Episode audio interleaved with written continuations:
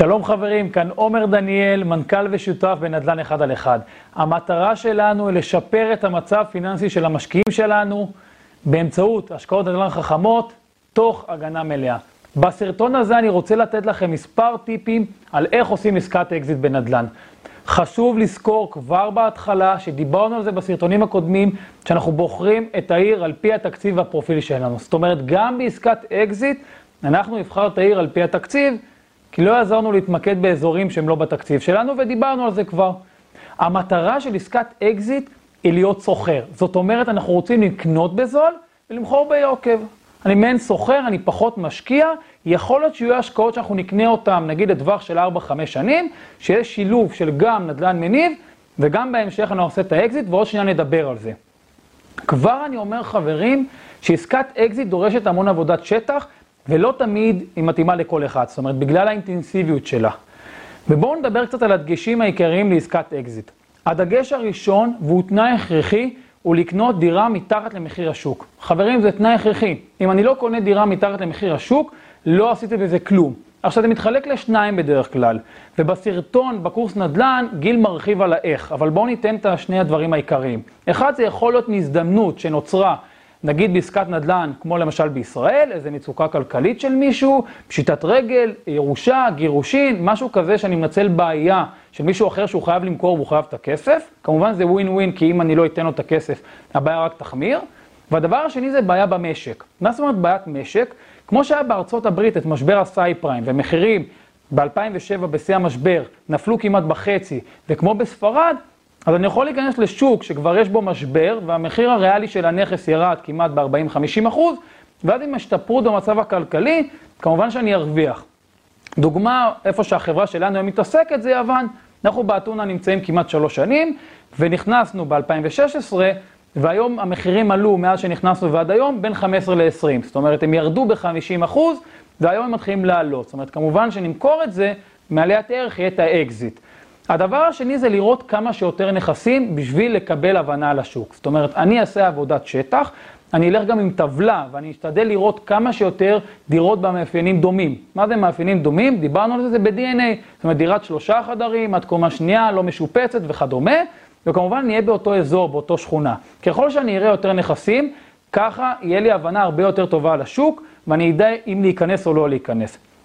הדבר השלישי, אני חייב להיות ממוקד. מה זאת אומרת להיות ממוקד?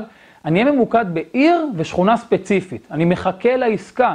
אני לא יכול להתפזר למשל קריית מלאכי, אשקלון, אשדוד, תל אביב וכדומה. אני חייב להיות ממוקד באזור שהוא על פי התקציב שלי, ולייצר שם קשרים ולייצר אה, מומחיות, כאילו הבנה באזור, בשביל שאני אה, אראה עסקה טובה, אני אוכל להיכנס.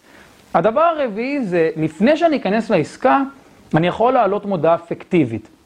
מה זאת אומרת? למשל, אני חושב שהדירה תימכר ב-900,000, ואני קונה אותה ב-800 או ב-750, זה לא משנה, אני אפרסם למכירה את הדירה כבר לפני הרכישה, שאני אבדוק איך השוק מגיב. כמובן שדיברנו על זה בסרטונים, שאפשר לבדוק גם שכירות, בלי שום קשר, כמה אני אשכיר את הדירה. אז זה מאוד חשוב, המודעה, בשביל לקבל באמת אינדיקציה מהשוק עצמו. הדבר החמישי, אני חייב לעשות הערכת שווי, זאת אומרת, אני חייב להבין כמה הדירות שם שוות. לדוגמה, ארבעה חדרים בבניין חדש עם מעלית שווה 800 אלף. ואז אם אני רואה דירה ב-700, אני מבין שהיא מתחת למחיר השוק. כי חברים, זמן מדף של דירה שהיא מתחת למחיר השוק, הוא לא הרבה זמן. זאת אומרת, זה מה שמציעה נחטף. אני, ההחלטה חייבת להיות מהירה. ואיך אני אחליט מהר? אם אני אכיר את השוק, אני אדע מה אני עושה, אני אבין את המחיר, ומפה כמובן אני אלך לבדוק את הדירה. זאת אומרת, אני לא חותם על זיכרון דברים, אני מסכים על המחיר, וכמובן אני פונה לעורך דין, אבל זה סרטון שלם שאני עשיתי עליו כבר. הדבר הבא זה תכנון פיננסי. אני תמיד חופר בסרטונים וגם בקורס נדל"ן, שההשקעה תמיד מתחילה מתכנון פיננסי. גם בעסקת אקזיט חשוב לעשות תכנון פיננסי וניהול סיכונים. מה זאת אומרת? יכול להיות שהנכס לא יושכר עד שאני אמכור אותו, או יכול להיות מה שחשבתי שאני אשכיר אותו, זה לא, לא יעבוד, זאת אומרת, זה סכום אחר. אני, אולי אני אעשה גם שיפוץ חצי שנה, ובכלל אני לא יכול להכניס דייר, אולי יש לי היתר, זה לא משנה. אני אערך למקרה הגרוע ביותר, זאת אומרת, יכול להיות שאני אקח אה, הלוואה נוספת, יכול להיות שאני אקח את ההלוואה בגרייס, יכול להיות שאני אעשה עסקה יותר זולה, כי אין לי מספיק אה, תקציב, ועכשיו אני רואה שהמשכנתה שלי תהיה יותר גבוהה מהשכירות, זאת אומרת, חייבים לעשות תכנון פיננסי ולהבין את ההיבט הכלכלי, ולראות שאין פה איזה בעיה שהעסקה לא פוגעת בי. כי הדגש העיקרי, חברים, במה שאני אומר פה, כי יכול להיות שאני עכשיו רוצה למצוא עסקה בזול, ואני רוצה למכור אותה, אבל אני אהיה כל כך לחוץ בגלל הבעיה הכלכלית שהכנסתי את עצמי, שאני פתאום אהיה לחוץ למכור ואני אוריד מחיר. לא, אני רוצה לשמור על המחיר שאני רוצה למכור, ואני לא רוצה להיות לחוץ למכור. אז שוב, מאוד חשוב התכנון פיננסי. הדבר הבא זה מודל ה-ABCD. גיל דיבר על זה בקורס נדל"ן ובסרטונים הקודמים שלנו, על זה שהשכונות מתחלקות ל-A, B, C, D. בגדול, A זה השכונה הזולה ביותר, בדרך כלל הישנה, B יותר טוב, C ו-D, ו- C ו-D כמובן יותר טובים וכדומה, יכול להיות שיש יותר. אבל אם אני עכשיו למשל עושה באזור הגרוע ביותר בעיר, בסדר, האזור עם הסוציו-אקונומי הכי נמוך, בניינים ישנים, אזור פחות טוב, והמחיר ממוצע הוא חצי מיליון. וב-B המחיר ממוצע הוא נגיד 700 אלף. גם אם אני אקח דירה ב-A, ואני אשפץ אותה ברמת גימור הכי גבוהה, לעולם אני לא יכול להגיע ל-B, זאת אומרת ל-700 אלף. אני חייב להבין שאני יכול למכור אותה גג ב-650 אלף שקל. אני לא יכול למכור אותה ב-700, כי מי שכבר, בסדר? נגיד, ניקח מישהו שבא לקנות את הדירה לגור שם, הוא כבר יעדיף לגור בשכונה יותר טובה, שיכול להיות שיש שם מעליות וממ"דים והאוכלוסייה קצת יותר טובה. זאת אומרת, אני צריך להבין את הגבולות גזרה שלי במחירים בין השכונות. מי שרוצה הרחבה, שייכנס לקורס נדל"ן, שיעור בחירת ערים לפעילות נדל"נית. הדבר המנחה שלנו, הדבר העשירי שאני רוצה לדבר עליו, זה השיפוץ. אם העסקת האקזיט שלי היא קצרה, לא תמיד אני אשקיע בשיפוץ בתשתיות. זאת אומרת, לא תמיד אני אעשה שיפוץ טוטאלי. לפעמים אני אעשה שיפוץ קוסמטי ואני אמכור. אבל אם אני בעסקת אקזיט, שיכול להיות שאני הולך להחזיק את הדירה שנתיים, שלוש וכדומה, כמו שאמרתי, שאני נכנס לשוק, שהמשק, שהכלכלה, המשבר הכלכלי הוריד את המחירים, אז כנראה אני אעשה שיפוץ אחר. אבל אם העסקה מהירה, חברים, לא להשקיע יותר מדי בשיפוץ, עושים את המינימום, באמת לקבל את המקסימום. הדבר האחרון ולדעתי החשוב ביותר הוא קשרים. ניתן למצוא עסקאות אקזיט באמצעות קשרים.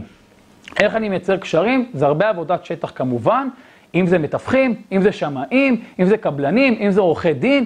קשרים, חברים, זה הדבר החשוב ביותר. בדרך כלל המתווכים הם העיניים והם האוזניים והם נמצאים בשוק, ואם יש לי מערכת יחסים טובה איתם, ואני גם מתגמל אותם מעל מה שמקובל בשוק, כנראה שיהיה להם עסקה טובה, אם הם לא יוכלו לקחת, או הם לא יכולים להעביר את זה נגיד למשפחה שלהם, הם יתקשרו למשקיע הכי רציני, זה שמבין עניין, זה שמקצועי, וזה שגם מוכן לתגמל אותם. אז מאוד חשוב הקשרים, כמו שאמרתי, יש אנשים בשטח שאין להם תמיד את הכסף לשים בהשקעה, והם מוכנים להעביר את זה בתיווך, כמובן בעד עמלה. אז הקשרים זה דבר החשוב ביותר שבעסקת אקזיט, כי רוב העסקאות האלה, חברים, לא תמיד עולות ליד שתיים, או למדלן, או לאתרים הקונבנציונליים שאתם מכירים. לעתים זה עובר מפה לאוזן, כמו שאמרתי, בקשרים, והעסקה הזאת נחטפת. חברים, אלה היו הטיפים העיקריים בעסקת אקזיט. מי שרוצה ללמוד על האיך מאתרים עכשיו, ככה דיברנו על הדגשים, מי שרוצה ללמוד על האיך, שייכנס לקורס נדל"ן, שיעור עסקאות אקזיט והשבחה, זה שיעור מספר 2, וילמד באמת איך מאתרים, אם זה מצוקה כלכלית, פשיטות רגל ודברים וכדומה, ואיך עושים את העבודת שטח גם בהרחבה שמה. תמשיכו לעקוב אחרינו ותקבלו המון מידע. מי שרוצה עזרה בהשקעת נדל"ן שלו באתונה ביוון, מוזמן להשאיר לנו פרטים, וכמובן נעזור לו בשמחה. חברים, אני הייתי עומר דניאל, מנדל"ן אחד על אחד, אני מאחל לכולם עתיד פיננסי טוב יותר, ובהצלחה.